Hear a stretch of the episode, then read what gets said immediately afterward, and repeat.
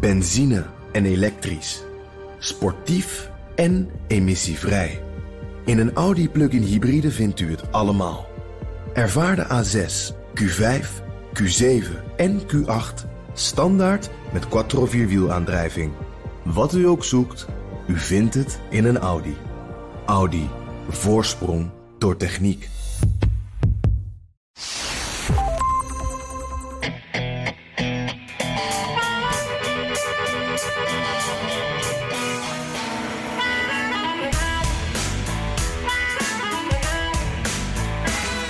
President Biden wil zo snel mogelijk 1900 miljard dollar uitgeven aan zijn corona-herstelplan. Dat vinden Republikeinen veel te veel. Maar Biden beloofde ook het gesprek aan te gaan met diezelfde Republikeinen. En dus kwamen tien Republikeinse senatoren op de koffie in het Oval Office. I think it was an excellent meeting, and we're very appreciative that as his first official meeting in the Oval Office, uh, the president chose to spend so much time with us in a frank and very useful discussion. Ja, best enthousiaste Susan Collins. Uh, enthousiaste geluiden wel na afloop, maar uh, dat wordt nog een stevig rondje onderhandelen over die grote verschillen. En voor Biden tikt ondertussen de klok. Dit is aflevering 62 alweer van de Amerika-podcast. Mijn naam is Jan Posma, als altijd aan mijn eettafel met een bak sterke, verse en gelukkig ook hete koffie. Want het is hier echt flink koud in Washington met een dik pak sneeuw. En de, de vlokjes dwarrelen hier zo naar beneden. Zo. Ik ben Bernard Hammelburg in filiaal Amsterdam van Studio Hammelburg. Ook met een stevige bak koffie. Het is guur, Jan.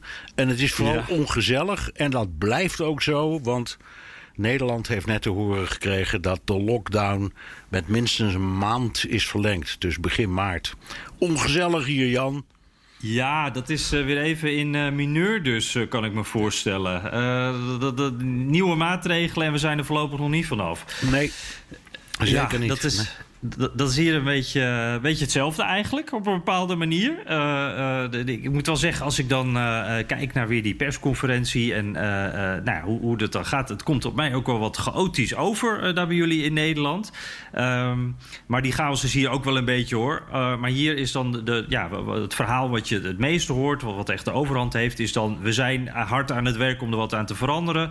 Hè, die coronabesmettingen, die, die, die, dalen dan weer een beetje op dit moment, maar we verwachten hier ook die, die terugslag door die nieuwe varianten. Nou, dat is in Nederland ook uh, discussie natuurlijk. En ja, Biden die alle registers opentrekt. Hè. Uh, de, de, de productie van die vaccins moet omhoog. De, de distributieproblemen moeten worden aangepakt.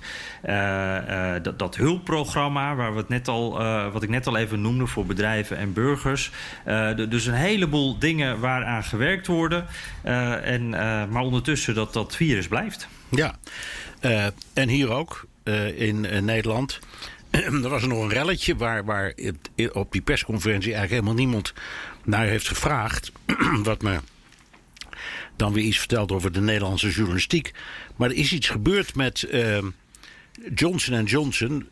het vaccin dat nog niet is goedgekeurd, maar wel wordt geproduceerd in Nederland bij Janssen. en dat moet dus van de Amerikaanse regering moet dat worden opgestuurd als ruw materiaal en dan verpakt in Amerika en weer teruggestuurd. Hmm. Maar er is een vette kans dat het helemaal niet gebeurt. Uh, omdat uh, uh, Biden die speciale wet heeft ingeroepen uit, uit de Koreaanse oorlog. Waarin in noodgevallen Amerikaanse bevolking voorgaat. Dus, dus er is best een kans. En ik denk eerlijk gezegd dat dat ook een beetje die verwarring verklaart die jij ook ziet als je kijkt naar die Nederlandse persconferentie. Je ziet ze gewoon denken: ja, jongens. Um, we gaan uit van een bepaalde hoeveelheid uh, uh, vaccin. Maar het kan best zijn, mm-hmm.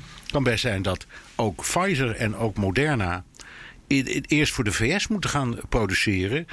Voordat ze kunnen exporteren. En, en ik zat meteen te denken aan die rel die zich heeft voorgedaan met Philips. Herinner je dat nog? Daar hebben we toen over gesproken, ook in de podcast. Ja, een beetje meer aan het begin van de, ja, de coronacrisis. Ja, omdat Philips heeft dus een fabriek in Amerika... die maakt beademingsapparatuur voor intensive care units.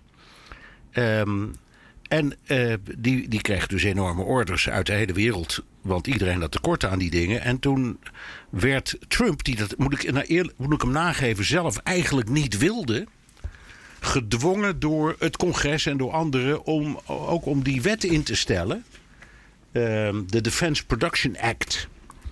Waardoor die uh, verplicht was om producenten, dus ook Philips, want ze zeiden ja, die fabriek staat in Amerika, dus uh, voor de Amerikaanse fabriek, mhm.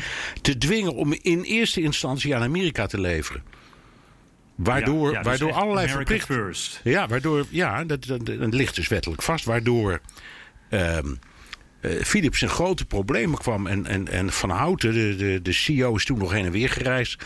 om te kijken of hij dat uit kon onderhandelen. Is niet goed gelukt. En uiteindelijk heeft Philips ook enorme slechte cijfers gehaald toen Um, over het kwartaal. Nou goed, dat is dan een financiële consequentie. Maar het was behoorlijk. En ik, eerlijk gezegd, ik, ik zie iets vergelijkbaars nu ontstaan. Dus hier is het laatste woord nog niet over gezegd, Jan. Ja, want als ik jou goed begrijp, eh, er wordt er niet uh, nadrukkelijk over gesproken. Het wordt eigenlijk helemaal niet zo benoemd. Maar eigenlijk zou het zomaar kunnen zijn dat, dat Europa en Nederland al lang in de tang zitten van, van de Amerikanen. En, en ja, dat, dat straks leidzaam moeten toezien dat het echt America First is met die vaccins. Ja, dat zou, dat zou heel goed kunnen. Het zou me niks verbazen. En als je de wettekst leest, dan, dan staat er heel duidelijk in hoor. Zeker in het geval van Johnson Johnson omdat dat, dat zou dan wettelijk een halffabrikaat zijn. En daar valt helemaal niet over te twisten. Over andere dingen misschien nog wel. Een, een, iets wat klaar is en af en zo. Um, en wat gebeurt er dan met de fabrieken van Pfizer in Europa en Moderna in Europa? Die produceren, moet dat dan ook naar Amerika? Weet ik niet. Maar ik zie een bier op de weg. Ja, ja zeker. Uh, en uh, als ik het zo hoor, dan, uh, dan, dan zie ik hem ook wel inderdaad. Ja. En, en, ja, de, Biden die, die, die staat natuurlijk ook onder druk. Eigenlijk staat iedereen staat natuurlijk onder druk. En Biden denkt dan waarschijnlijk, die mogelijkheid heb ik. hij moet natuurlijk ook die, die, die, die 100 miljoen inentingen... of, of eigenlijk nog veel meer vaccins, die moet hij halen. want die 100 miljoen, daar werd hij al een beetje om uitgelachen hè, door de Republikeinen. Toen zei het Witte Huis ook snel van... ja, maar dat is de, de bodem, dat is de ondergrens. We willen veel meer halen. Ja, nou, ze, zeiden, ze, zeiden, ze zeiden ook, joh, dat doen we al. Dat zat, al, dat zat al in het Trump-plan, dus waar zeuren jullie over? Ja, ja dit is dat, dat, dat, voorzichtige beloven van, van het beide Witte Huis. Eh, die niet die fout willen maken van, van we gaan te, te veel al uh, beloven. Maar tegelijkertijd dus is daar meteen kritiek op van ja, maar hallo. Uh, als je zo weinig gaat beloven, dan, dan beloof je eigenlijk helemaal niks. dus hij moet ook, er moet wat bij komen. En, en ja, dat, dat weet hij ook. En, en dat allemaal per de, decreet ook, Bernard. Dus het is, ja, het wordt met een paar handtekeningen geregeld. En, en die, die, die beide, dan kan je wel zeggen, dat is echt wel de. de nou, die heeft het wereldrecord inmiddels hè, van presidentiële decreten. Nou, dat zit er dik in. Ehm, ik heb even een lijstje opgezocht. Want, want, want er zijn allerlei critici die op de, hè, bijvoorbeeld op Fox News en zo, die dan zeggen. Um, ja, elke president gebruikt decreten, maar deze is werkelijk helemaal. Uh, die, die, die, die, dat valt buiten alle uh, normen. En uh, Trump is daar een kleine jongen bij. Dus ik dacht, ik ga het eens narekenen. En ze hebben gelijk mm hoor, die critici. Um, ik kom even met een lijstje. Um, de meeste decreten, althans in de moderne tijd. die waren van FDR, dus Roosevelt, in, in de oorlogsjaren. En in de aanloop daarna waren er 307 per jaar die hij uh, gaf. En daaronder, in zijn hele presidentschap. In zijn hele presidentschap, 307 decreten per jaar. Het is allemaal gemeten per jaar. Truman, mhm. die dus hem opvolgde, die deed er 117 per jaar. Ook niet niks. En daarna komt Jimmy Carter. Die is, die is maar vier jaar president geweest, maar die deed er dan 80 per jaar. Uh, John Kennedy deed er 75 per jaar. Trump deed er 55 per jaar. Obama 35 per jaar. En Biden zit nu al op 45. Dus als je dat omrekent naar jaarbasis, dan zit hij op 761. ja, dus wij kunnen, wij kunnen hem bij deze uh, uitroepen tot, uh, tot uh, kampioen. Uh, decretenkampioen, zal ik maar zeggen. Want dit, is, dit, dit is zelden vertoond ja, ehm, en, toch even, want ik zei het dan toch even verkeerd. Jij zegt dus FDR die deed 307 decreten per jaar. Per jaar. Hij is 12 jaar per jaar president geweest, dus dat zijn er heel veel. Hij, ja, ja, ja, ja, ja, duizenden. Ja. en en wat, wat, hoe, hoe komt dat dan, uh, Bernard, dat uh, zo'n Biden hierop uh, op terugvalt? Je kan zeggen het is een noodsituatie hè, met corona, het is een crisis, net als FDR ook een crisis had. het zijn ook politiek andere tijden. Waar, waarom, waarom grijpt Biden hierop terug? Nou, er zijn verschillende redenen voor. In de eerste plaats doet bijna iedere president het aan het begin van zijn termijn het, het snelst, omdat hij wil ingrijpen in wat voorgangers hebben gedaan. Dus, Snel uh, terugdraaien. Terugdraaien. Dus uh, kijk, Obama had per decreet um, het Parijse uh, klimaatakkoord um, getekend. En Trump heeft dat per decreet weer teruggedraaid. En Biden draait dat nou weer terug. Dus het is decreet op decreet op decreet. Wat ook wel iets wil zeggen over hoeveel zo'n decreet nou eigenlijk waard is. Ja, um, garantie tot aan de deur. Garantie de nieuwe president is. Tot, tot, er weer, ja. ja. tot er iemand anders achter dat resolute desk gaat zitten en zegt: Kom, ik kom er eens even op terug. Dus dat zijn er een heleboel. Hij wilde dus heel veel Trump-beslissingen terugdraaien. En hij wil ook dingen uh, vaart geven die, die zeer dringend Ehm, zijn. Zoals bijvoorbeeld alles wat te maken heeft met corona. En nou kun je, als het om geld gaat, hè, waar we het nou. Uh, uh, aan het begin uh, al over hadden, uh, dan, dan, dan, ja, dan, dan moet dat via het parlement. Dus daar, kun hij, daar kan hij wel een decreet over uitschrijven, maar dat lukt niet. Maar andere dingen, zoals het verplichte gebruik van mondkapjes en ga zo maar door, ja, dat moet uh, dat kan wel per decreet. Dus er zitten heel veel dingen aan die daar te maken hebben, mee te maken. Um, immigratie, waar die ook allerlei mm -hmm. dingen, die, het, het, stopzetten van de muur. Um, uh, maar ook het stopzetten, wat ik wel interessant vond, van allerlei processen die lopen van mensen die daar wonen op dat grensgebied. Boeren die klachten hebben ingediend over onteigening van grond. Oh ja. En ja. dat vond ik wel slim van Biden. Dat ligt bij het Hooggerechtshof. En hij heeft gezegd. Laten we die hele zaak even laten rusten. Even tot rust komen, jongens. Voordat we in alle opwinding elkaar te lijf gaan. Dus hij heeft die muur wel stilgezet. Maar gaat niet meteen alles wat daar omheen zit. aanvallen, afbreken. Ga, ga ze maar door. Maar goed, het, het, het stilleggen van zo'n project. dat moet dan per decreet.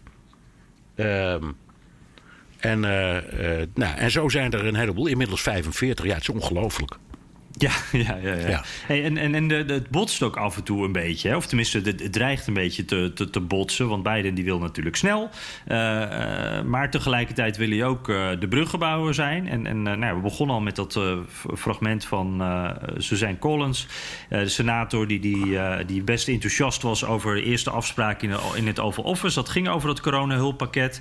Um, uh, daar zit een heel groot verschil. Uh, die, die, Republikeinen die willen iets van 600 miljard uitgeven. Nou, Biden die wil iets van 1900 miljard uitgeven. Echt veel meer.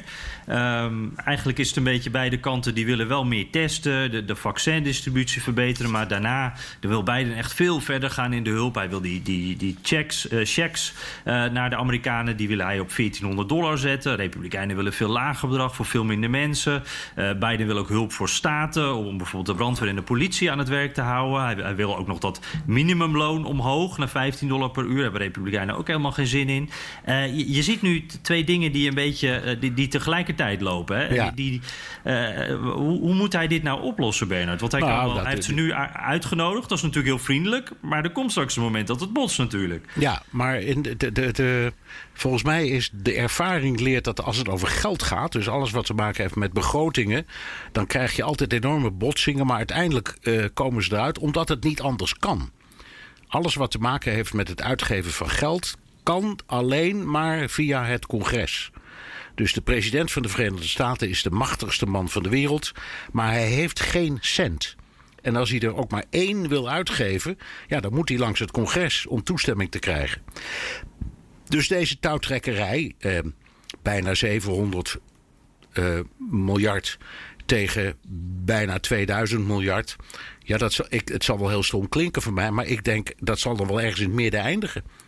ik, ja, serieus, ja. serieus. Ja. Ze zullen wel gewoon. Uh, ik, en ik denk ook dat dat optimisme van Susan Collins niet ten onrechte was, omdat hij ook zo denkt. Het is loven en bieden. En als het om geld gaat, nogmaals, dan kan de president niet om het congres heen. En hij heeft een flinterdunne meerderheid. En daar zal hij gebruik van kunnen maken. Maar lang niet altijd. Heel veel van dit soort beslissingen eisen een grotere meerderheid. Um, dus dat, ja, dat is de kunst van uh, uh, politiek voeren. Geldt voor elke democratie waar de de uitvoerende uh, macht uh, wetgeving wil en daarvoor moet aankloppen bij het parlement. Hij is, wat dat mhm. betreft, staat hij net als elke andere president met de pet in de hand. Ja, precies. En hij heeft natuurlijk altijd uh, beloofd dat hij dit waar kon maken. Dat, hij, dat hij die samenwerking uh, ging regelen. Dat dat onder hem goed zou komen. Dus op dat punt is dit het moment meteen om dat dan te bewijzen. Maar ondertussen zie je dus dat uh, vanuit de Democratische Partij... die proberen het zonder de Republikeinen te regelen. Die, die zijn al begonnen. Misschien ook om druk op te voeren. Ik weet het niet. maar Biden is ondertussen in gesprek. En ze willen ook die snelheid behouden. Dat is wel een lastige spagaat ja, voor Biden. Het is ook een hele moeilijke spagaat. En... Um Ehm, ja, eh, hij, hij kan niet anders in dit geval, omdat zoiets als zo'n hulppakket, ja, daar kun je geen maanden over debatteren. Hè. Dat moet nu gebeuren. Dus de, de urgentie, die, die weten ze van weerskanten wel. En die gebruiken ze ook tegen elkaar. Dus Biden wil doordrukken en de Republikeinen denken: ja, dit is een nieuwe regering. Wij willen hier ook onze stempel op zetten. En ons handelsmerk is: smijt niet met belastinggeld. En jullie, jullie linkse socialisten en communisten willen altijd meteen met belastinggeld gaan smijten. Nou, nou lekker even niet. Dus het is ook een principiële zaak die hier uh, aan ten grondslag ligt. En dat behoren ze uit te vechten. En ik ben gewoon een optimist. In, in, over deze kwestie worden ze het eens. Over heel veel andere dingen niet. Maar hier gaan ze het over eens worden, want ze hebben geen keus. Ja, ja, nou dat is in ieder geval goed nieuws voor de, die, die Amerikanen die wachten op uh, ook maar iets van een maatregel. Jij zegt er gaat iets, uh, er gaat iets komen, hoe dan ook. Ja. Um, hey, en en uh, dan speelt die andere zaak nog, hè? Die, die impeachment. Um, als wij dit opnemen, dan zijn er net weer een paar ontwikkelingen geweest. de Democraten die hebben een plan voor impeachment gepresenteerd. Even kort samengevat, zij zeggen: president is duidelijk over de schreef gegaan, historisch zelfs over de schreef gegaan. Hij wordt hier niet beschermd door het eerste amendement. Dus die vrijheid van meningsuiting die telt hier niet. En hij kan prima impeached worden, ook als voormalig president. Want dat, dat, een president kan nou eenmaal van zijn eerste tot zijn laatste dag afgezet worden. En we zijn begonnen toen hij nog president was. Dus daar is ook geen probleem wat hun betreft.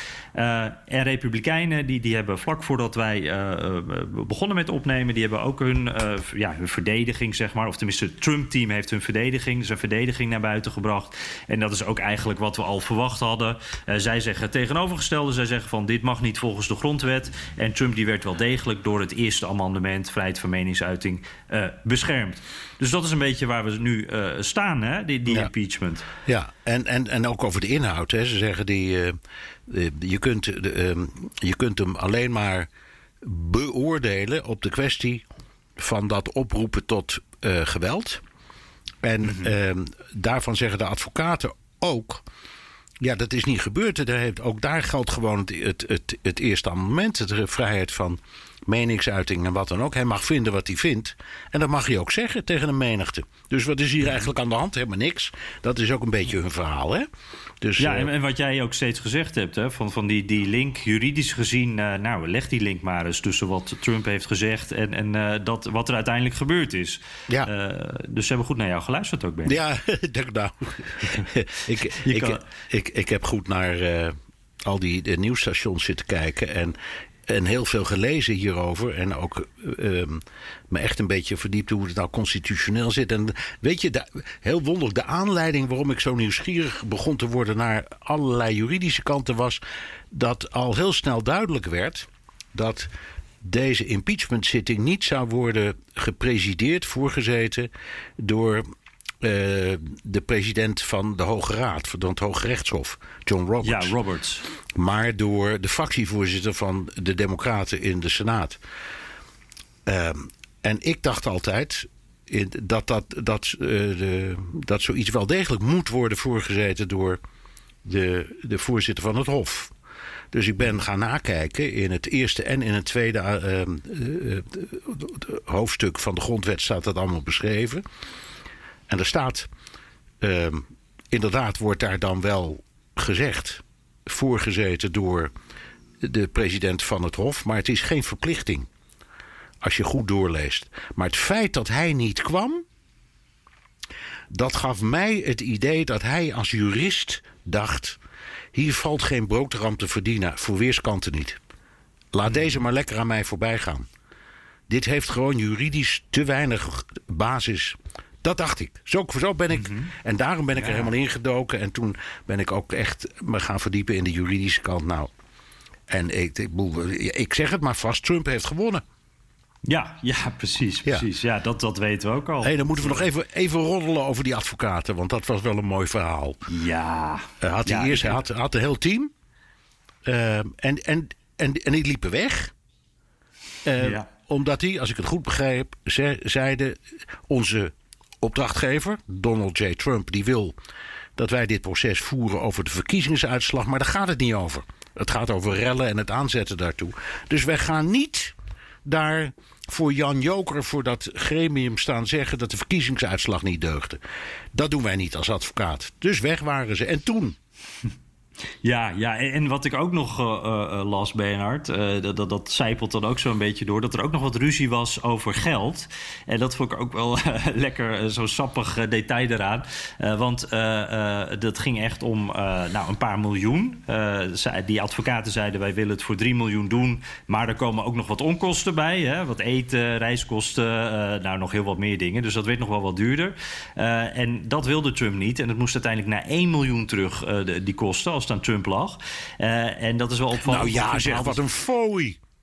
ja, nou, zouden wij het niet voor doen. Nee. maar helemaal als je, als je bedenkt... Trump heeft sinds de verkiezingen 170 miljoen dollar opgehaald voor rechtszaken. Dus hij heeft een enorme oorlogskas. eh, maar die wil hij dus niet uitgeven daaraan. Nee. Ehm, ja, Eh, dus dat nog even terzijde. En ja, nou ja, goed. Dan eh, zijn dus al die advocaten opgestapt. En dan weet je dus dat, dat dat best wel moeilijk wordt om in korte tijd weer nieuwe mensen te vinden. En er kwamen er twee beruchte namen eigenlijk uit de hoge hoed: Bruce Castor en David Schoen. Eh, dat laatste is eh, schoen eigenlijk op zijn Nederlands. En ja, ik was nog helemaal vergeten. Ik had ook eventjes een stukje van schoen uitgezocht. Eh, aansluitend dus bij wat de verdedigingslijn is van het team van Trump. Hier nog even David Schoen. Besides the fact that this process is completely unconstitutional and that this is a very, very dangerous uh, road to take with respect to the First Amendment, putting at risk any uh, passionate political speaker, uh, which is um, really an, uh, against everything we believe in in this country, foundation of the First Amendment. But I'm going to tell you, I think it's also the most ill-advised legislative action that I've seen in my lifetime. It is tearing the country apart at a time when we don't need anything like that. I think President Biden missed a great opportunity to be a statesman and to demanded that this thing be called off, frankly. Um, this is the political weaponization of the impeachment process. Nou, eh, Jan, je liet er één al horen. Ja. Eh, en, maar hij heeft er twee gestrikt. En, Ja. en ik, ik, ik bedacht, in Hollywood zouden ze zeggen... die komen rechtstreeks uit general casting. Ja. Ja. Dit, dit, zijn, dit zijn mensen die, die, die nodig je uit om de boef te spelen in een of andere film. Vertel, vertel wat, zijn, wat zijn dit nou voor mensen? Ja, of de advocaten van de boef. Want eh, inderdaad, het, eh, eh, ja, het zijn bijzondere figuren. Die, Castor, Bruce Castor, laat ik daar even mee beginnen. Dat was eerst een officier van justitie. En in 2005 was hij de man die Bill Cosby niet wilde vervolgen. En dat was die zaak van, vanwege seksuele intimidatie, verkrachting. Hè, Cosby die zit nu in de gevangenis al enige tijd. Want de opvolger van die Castor, eh, die vervolgde Cosby wel. Dus dat is waarom Amerikanen zijn naam mogelijk eh, al kennen. En die Shoen, die je dus dit net hoorde, die verdedigde eh, eh, eerder al Roger Stone, hè, Trumps vriend en, en adviseur, die, die veroordeeld werd voor nou ja, het intimideren van een getuige, liegen in het congres over gehackte e-mails tijdens die campagne van 2016. Eh, en Stone die, die kreeg dan uiteindelijk gratie van Trump, dus die is niet de gevangenis ingegaan. Maar Shoen was zijn advocaat en Shoens naam verscheen ook nog in de kranten toen hij Jeffrey Epstein bezocht in zijn cel. Dat was vlak, vlak voor diens dood. En die Schoen die overwoog Epstein te verdedigen. nou, ook een flinke boef natuurlijk. En volgens Schoen, die, die blijft dat zeggen, was de dood van Epstein... dat was geen zelfmoord, daar zit dan een ander complot achter, zegt hij. maar ja, dat zijn dus de twee namen uiteindelijk. Dit zijn niet mannen in ieder geval die je associeert met een impeachment. dit, dit is inderdaad meer de, de bad guys uit een Hollywood-film. Ja, maar goed, uiteindelijk gaat het uh, in de Senaat. De Senaat is de jury in deze rechtszaak. En het gaat uiteindelijk om het oordeel van de jury. En die senatoren zijn niet op hun achterhoofd gevallen. Dus die kunnen ook, ik denk ook in juridische en morele zin, politieke zin, want dat zijn de drie factoren die spelen, er wel uitkomen. Het gaat uiteindelijk, ja, het doodgewoon om. Uh, om een stemming. En de, voor een veroordeling heb je twee derde van de Senaat nodig. Ja, dus uh, dat betekent, daar hebben de Democraten niet voldoende voor. Dus ze hebben, uh, ze hebben steun nodig van de Republikeinen. En nou, iedereen zegt, er moeten minstens 17 Republikeinen meestemmen. En dan denk ik, ja, dat geldt alleen als alle Democraten voorstemmen. En ik heb nog nergens mm -hmm. gelezen dat dat gebeurt. Er kan er ook best eentje tussen zitten die denken, nou ik, ik ben het met de strekking wel eens, maar, maar, maar, maar niet met de letter hier. Dat kan ook nog best gebeuren.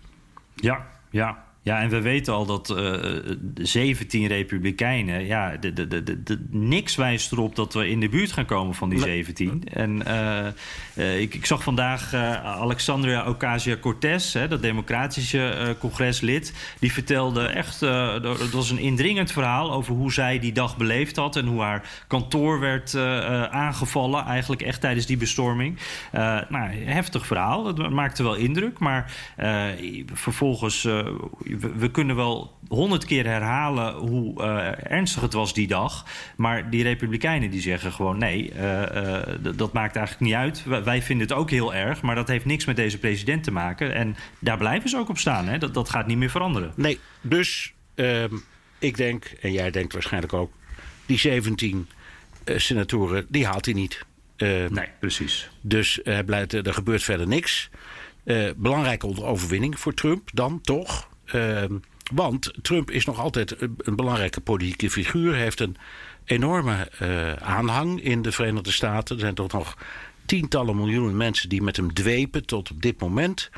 Uh, ik las dat hij een, een polit Political Action Committee heeft opgericht. Onder de name mhm. Save America. Uh, en nou ja, dan begrijp ik dan ook dat mag hij dan weer niet gebruiken voor een eigen, voor de financiering van een eventuele eigen campagne, maar wel voor gelijkgezinden in de partij of daarbuiten. Wat speelt er nou allemaal, Jan, in die broeierige achterkamertjes van de Grand Old Party op dit moment? ja, ja, broeierig, wat veel van die achterkamertjes zijn in Florida nu, hè, waar, waar Trump zit natuurlijk. ja. ja. het, uh, nee, het is wel grappig, want inderdaad dat, uh, dat Action uh, Committee, die, die PAC, je, alle mailtjes die je nou van Trump krijgt, daar staat ook Save America boven. En dat was natuurlijk altijd Make America Great Again en, en Keep America Great. En nu is het dus dat. En uh, ja, je ziet eh, dat, dat, er, uh, dat, dat de Republikeinen een keuze moeten maken. En, en ja, we hebben het altijd over die Grand Old Party, als we het over de Republikeinen hebben. Ja, hoe grand en in hoeverre blijft het een party, één partij? dat is eigenlijk de vraag. er ontstaan wat fracties. het duidelijkste voorbeeld is, zijn natuurlijk die, die, die congresleden die voor of tegen impeachment zijn. Hè, daar, daar zie je dagelijks voorbeelden van hoe dat strijd oplevert. Je had die, die Trump-loyalist eh, Matt Gates, die helemaal naar Wyoming afreisde om campagne te voeren tegen een partijgenoot, Liz Cheney, omdat zij uh, voor impeachment had uh, gestemd in het Huis van Afgevaardigden. Dus daar zie je direct die strijd ontstaan. En wat gewoon duidelijk wordt, ook met dat superpack, waarmee uh, Trump natuurlijk uh, uh, dus inderdaad geld kan geven aan partijgenoten en zo ook zijn macht behoudt. Die Trump is gewoon echt nog lang niet weg. Nee.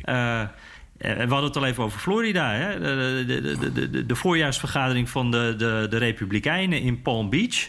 En, en er wordt gezegd, nou, Donald Trump zou daar wel eens kunnen komen. En we hebben CPAC, dat, dat conservatieve congres uh, in Orlando in Florida. En daar wordt ook gezegd, nou, uh, Trump zou wel eens langskomen kunnen komen. Dus Trump die wordt overal bij genoemd. Ja.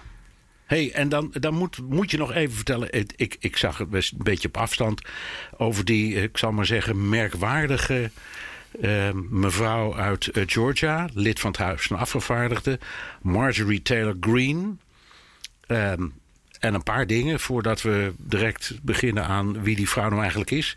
Maar ze is daar in haar eigen district met overweldigende meerderheid gekozen. Dus uh, het is een hele wonderlijke juffrouw. Uh, ja. Uh, maar vertel, ik, het enige waar ik het meest van herinner is dat zij degene was die al meteen in dat debat op die beruchte avond waar, waarop ook de middag waarop het kapitool werd bestormd, dat zij in het debat daarna meteen zei: ik start een impeachment tegen uh, uh, Joe Biden. Ja, Klopt, ja, ja, ja. Zij is echt een van de houdegens op dit moment. En die een van de mensen in dat congres die, die echt niet inhoudt, ook sinds die bestorming niet. En die eigenlijk vast blijft houden dat dat, uh, ja, dat, dat eigenlijk een, een, een noodzakelijk iets was. Uh, dat, dus die, zij is echt een, een ja, uitgesproken is niet eens het juiste woord uh, daarvoor, denk ik.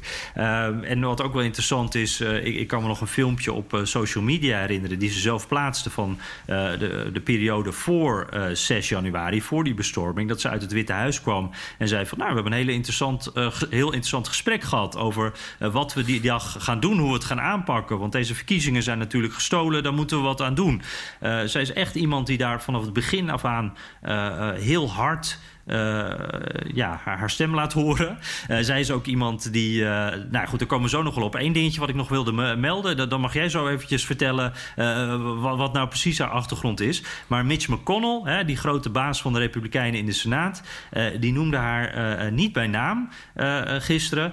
maar hij, hij, kwam wel met een verklaring naar buiten. En dat ging heel duidelijk over haar. En dat gaat ook nog eventjes over die verdeeldheid tussen de Republikeinse Partij. Want die McConnell, die klassieke Republikein, zeg maar even die had het over uh, die, die, complottheorieën, uh, die, die Marjorie Taylor Greene dus ook aanhangt. En hij zei dat zijn gestoorde leugens. En de, nou ja, dat soort zaken, die mensen, die zijn een kanker voor onze partij. Dus die, die Mitch McConnell nam daar keihard stelling tegen. Zo.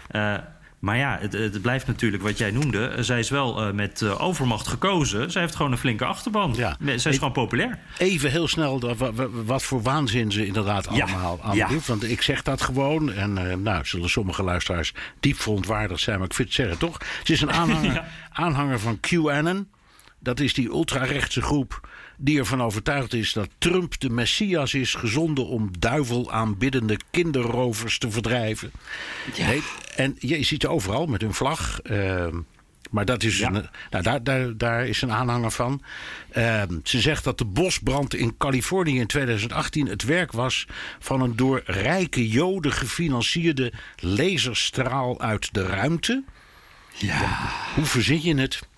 Dit, is antisemitisme met, met Star Wars gecombineerd. echt. En dit is dus geen grap, hè? Dit is echt waar. Ja, dat, dit, dit, ik, ik, ik, ik zeg het ook. Daarom zeg ik, zeg, ze zit in een hoop uh, antisemitische, maar ook uh, isla, islamofobische chatgroepen.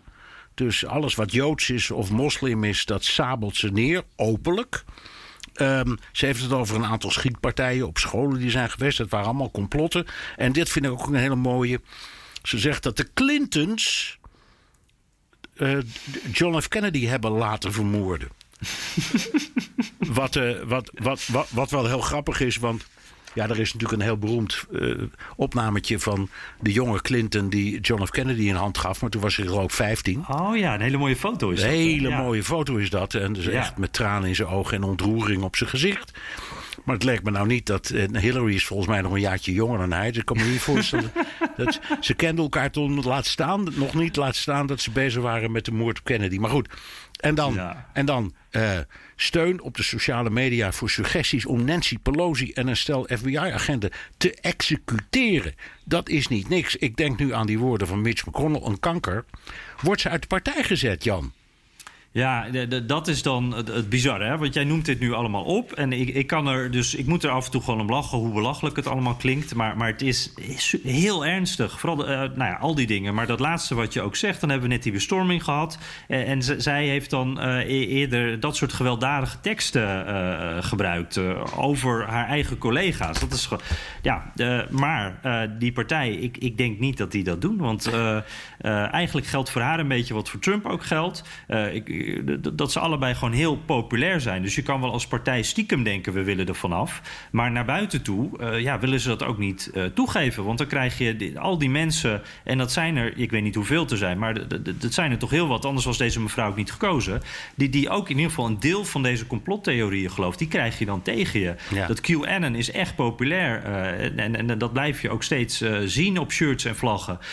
ja, dus, en het is een hele grote stap ook natuurlijk om een congreslid eruit te zetten. En dat, dat, dat zie ik niet gebeuren. Nee, nou, er zijn, er zijn, verschillende manieren voor. Het, het huis kan het zelf doen. Hè? Het Huis van Afgevaardigden als instituut, als Kamer kan besluiten om een, uh, een van de leden eruit te zetten. Maar dat moet dan met twee derde meerderheid gebeuren. Uh, dat zie ik niet zo snel uh, gebeuren. Ik denk niet dat. Nou ja, dat, gaan de, dat willen de Republikeinen dan ook niet. En de vraag is ook of de Democraten het wel zouden willen. Want je moet je ook afvragen wat je er nou precies mee wint. En je maakt dan mhm. misschien ook misschien een soort martelaar van er. Ja. Maar hebben ze nou nog andere manieren om bijvoorbeeld, uh, ja, om er toch aan te pakken? Want McConnell die zegt dit niet voor niks als republikeinse collega. Ja, ja ze, ze, kunnen haar bijvoorbeeld uit een commissie halen. Uh, ze zit nu in een onderwijscommissie. Uh, daar zijn dan uh, nou, nabestaanden van die schietpartijen op scholen zijn daar ook heel boos over. Omdat ook, nou ja, ze, daar heeft ze dus over gezegd van dit, dit is allemaal niet echt. ze heeft ook slachtoffers of nabestaanden heeft ze achtervolgd. en ze bleef dat maar roepen van blijf van onze wapens af. dit is allemaal een complot. dus daar, daar is verontwaardiging over. Nou ja, dat zouden ze kunnen doen. En, en ja, Steve King daar denken we dan eventjes aan. Uh, een, een uh, ja, een, een, een, congreslid wat, wat, bekend stond om zijn uh, ja, rechtse, extreemrechtse uitspraken. Ook, en en die, die is dat overkomen een paar jaar geleden. Ja, maar door, dan door de Republikeinse Partij zelf, hè?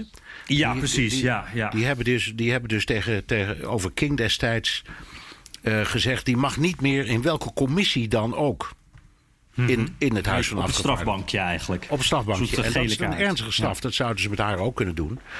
Ja. Um, maar goed, dan maakt zij dan ongetwijfeld ook weer een geuze verhaal van. Want daar moet je dan nageven, daar ja. is ze buitengewoon goed in hoor.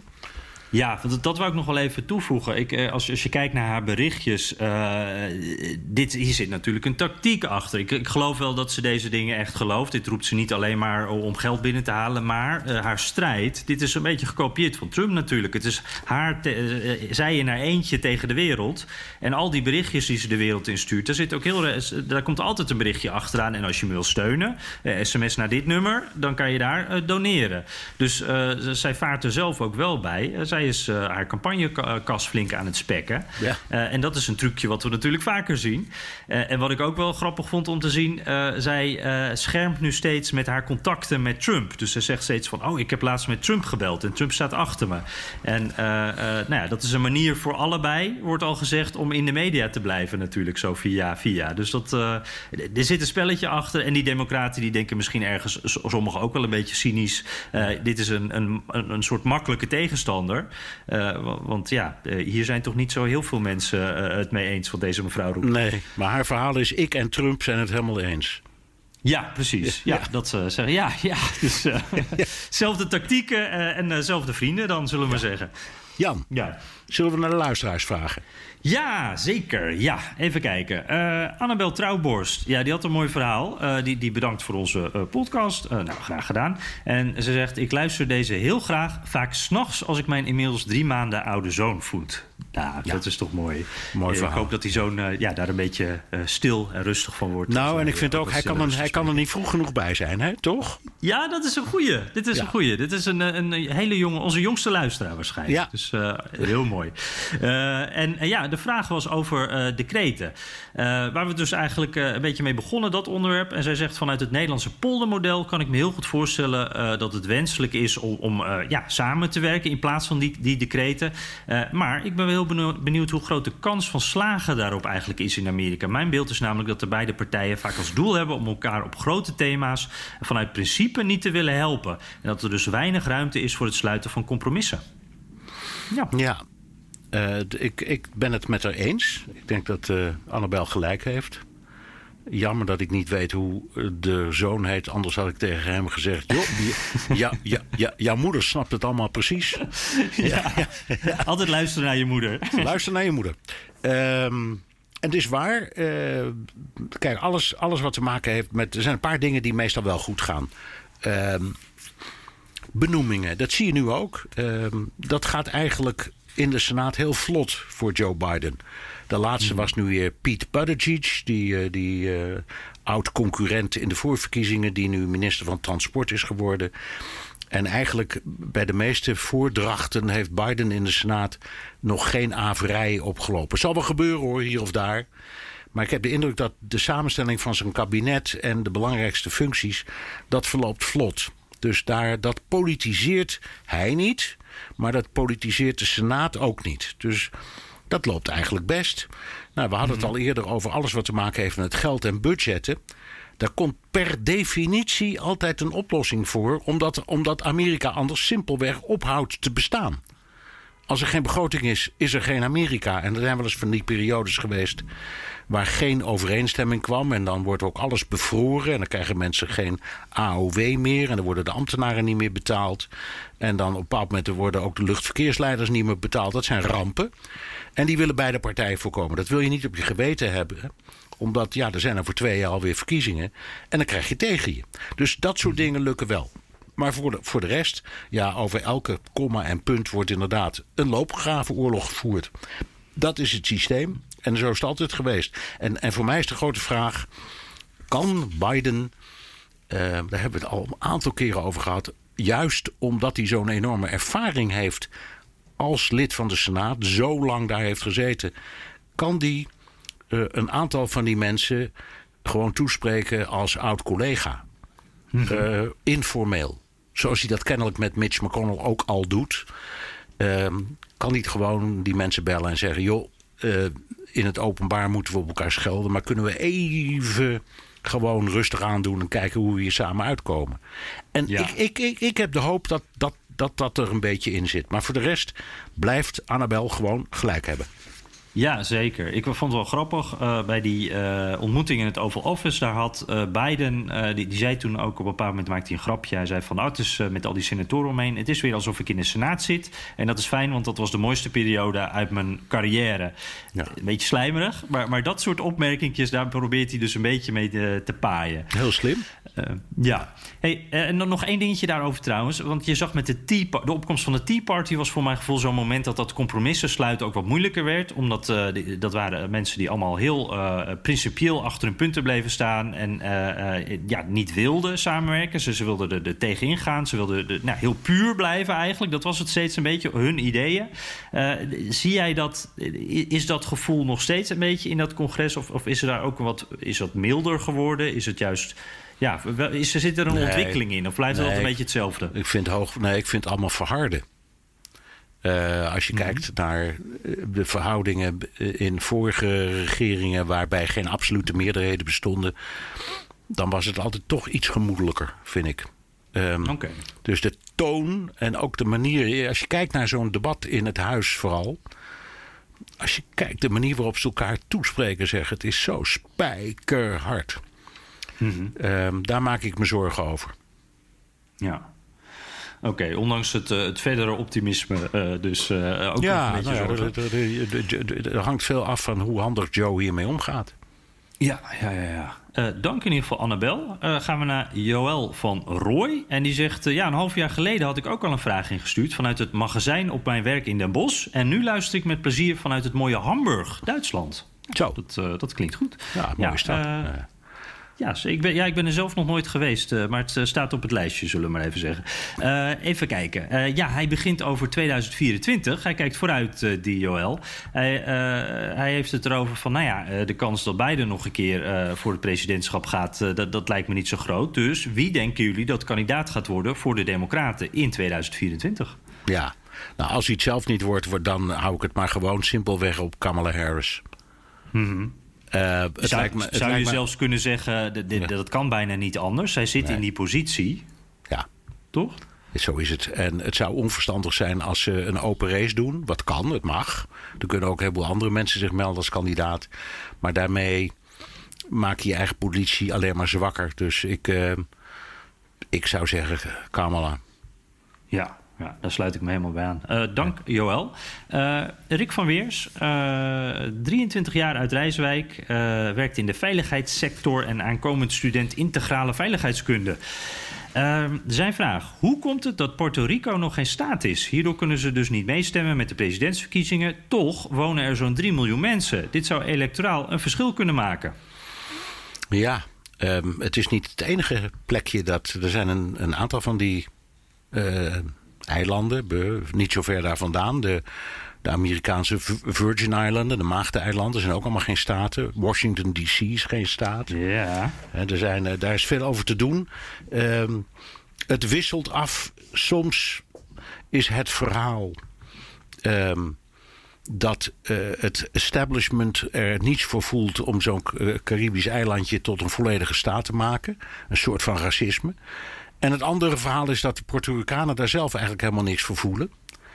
Um, en uh, tussen die twee kiept het al een hele tijd heen en weer. Uh, ik begrijp het ook niet helemaal hoor, moet ik eerlijk zeggen.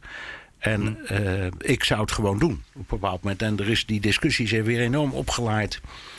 Uh, toen met die enorme natuurramp daar in de periode Trump. Mm -hmm. die toen, naar mijn idee, ook niet ten onrechte erg boos werd op de manier waarop dat Puerto Rico wordt geregeerd. Um, en dat het eigenlijk heel mooi zou zijn om daar een beetje orde op zaken te stellen. Nou, een van de manieren om dat te doen is het als volledig lid te aanvaarden van de Unie. Maar het gebeurt niet. Mm.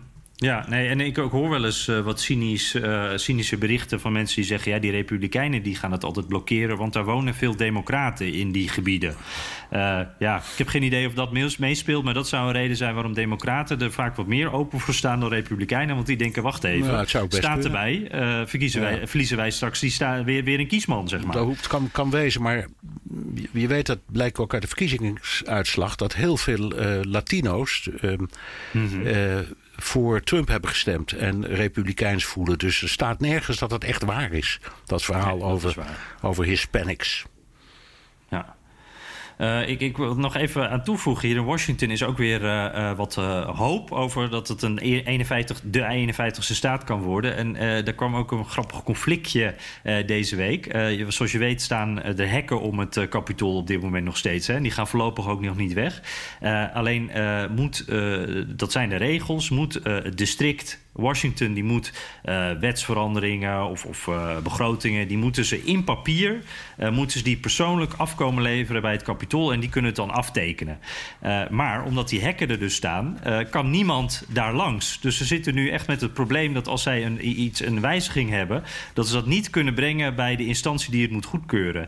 En dat kapitool is natuurlijk een stukje federaal grondgebied. Dus dat is een van de dingen waar, waar het dan steeds op, nou ja, waar, waar dan hier echt wat frustratie over is. Mensen lachen er ook wel wat om. Nou, maar tegelijkertijd ja. zijn ze ook wel boos hoor daarover. Dus uh, dit soort dingen, dat elke keer dat dan, nou ja, dan, dan worden mensen weer, uh, die gaan bijna de straat op om hier tegen te protesteren. Maar, maar je zou toch kunnen zeggen dan.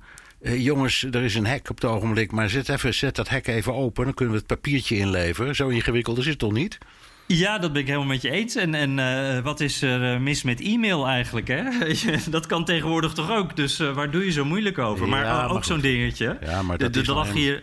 ja, ja. Dat, moet, dat moet met de hand. Je hebt, je hebt in Nederland de miljoenennota. Die komt ook altijd, nog altijd in een koffertje met de minister ja. van Financiën. Ja, dat zijn van die dingen. Ja. Tradities, tradities. Ja, ja. ja. Nou goed. En uh, oh ja, nog één dingetje. Er ligt hier dus sneeuw. En er staat, door dat hek kan je dus ook niet sneeuwen... of niet van afglijden van het mooiste bergje van Washington. Dat is namelijk Capitol Hill. Dus ook heel veel boze ouders hier dat er niet gesleed kon worden daar. Oh god, uh, ja. Nou ja, goed. Ja. Klein leed zullen we maar zeggen. Uh, laten we hem daarbij afsluiten dan, Bernard. Oké. Okay. Uh, het was hem. terugluisteren ja. kan via de site. Apple Podcasts, Spotify. Heb je vragen, opmerkingen, kritiek of complimenten? kan het ook met een tweet naar Jan Posma USA of BNR De Wereld of heel ouderwets met een mailtje naar dewereld.bnr.nl. Ja, per papier hoeft van ons niet. Mag gewoon via de mail. en laat ook even weten hoe je naar ons luistert en waar. En Bernard, we eindigen deze podcast even speciaal voor Willem van Haren. Iets anders dan anders. Willem die vroeg vorige week of er ook nog een lange versie is van onze begintune. En onze nou, audiomagier, zal ik hem zo maar even noemen, André Dortmund. die is in de archieven gedoken. Of hij is speciaal even aan het musiceren geslagen, dat weet ik eigenlijk niet. Maar in ieder geval, er is een langere versie. En de, bij deze, die gaan we even laten horen. Met de complimenten van André.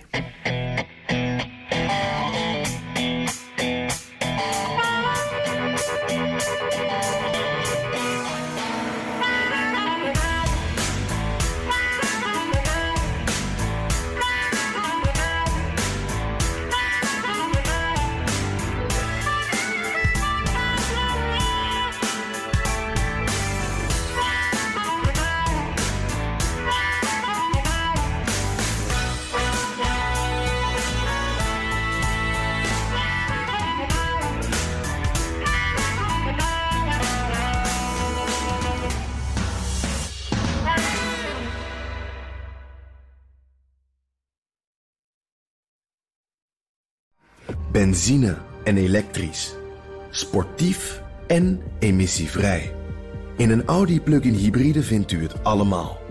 Ervaar de A6, Q5, Q7 en Q8 standaard met quattro vierwielaandrijving.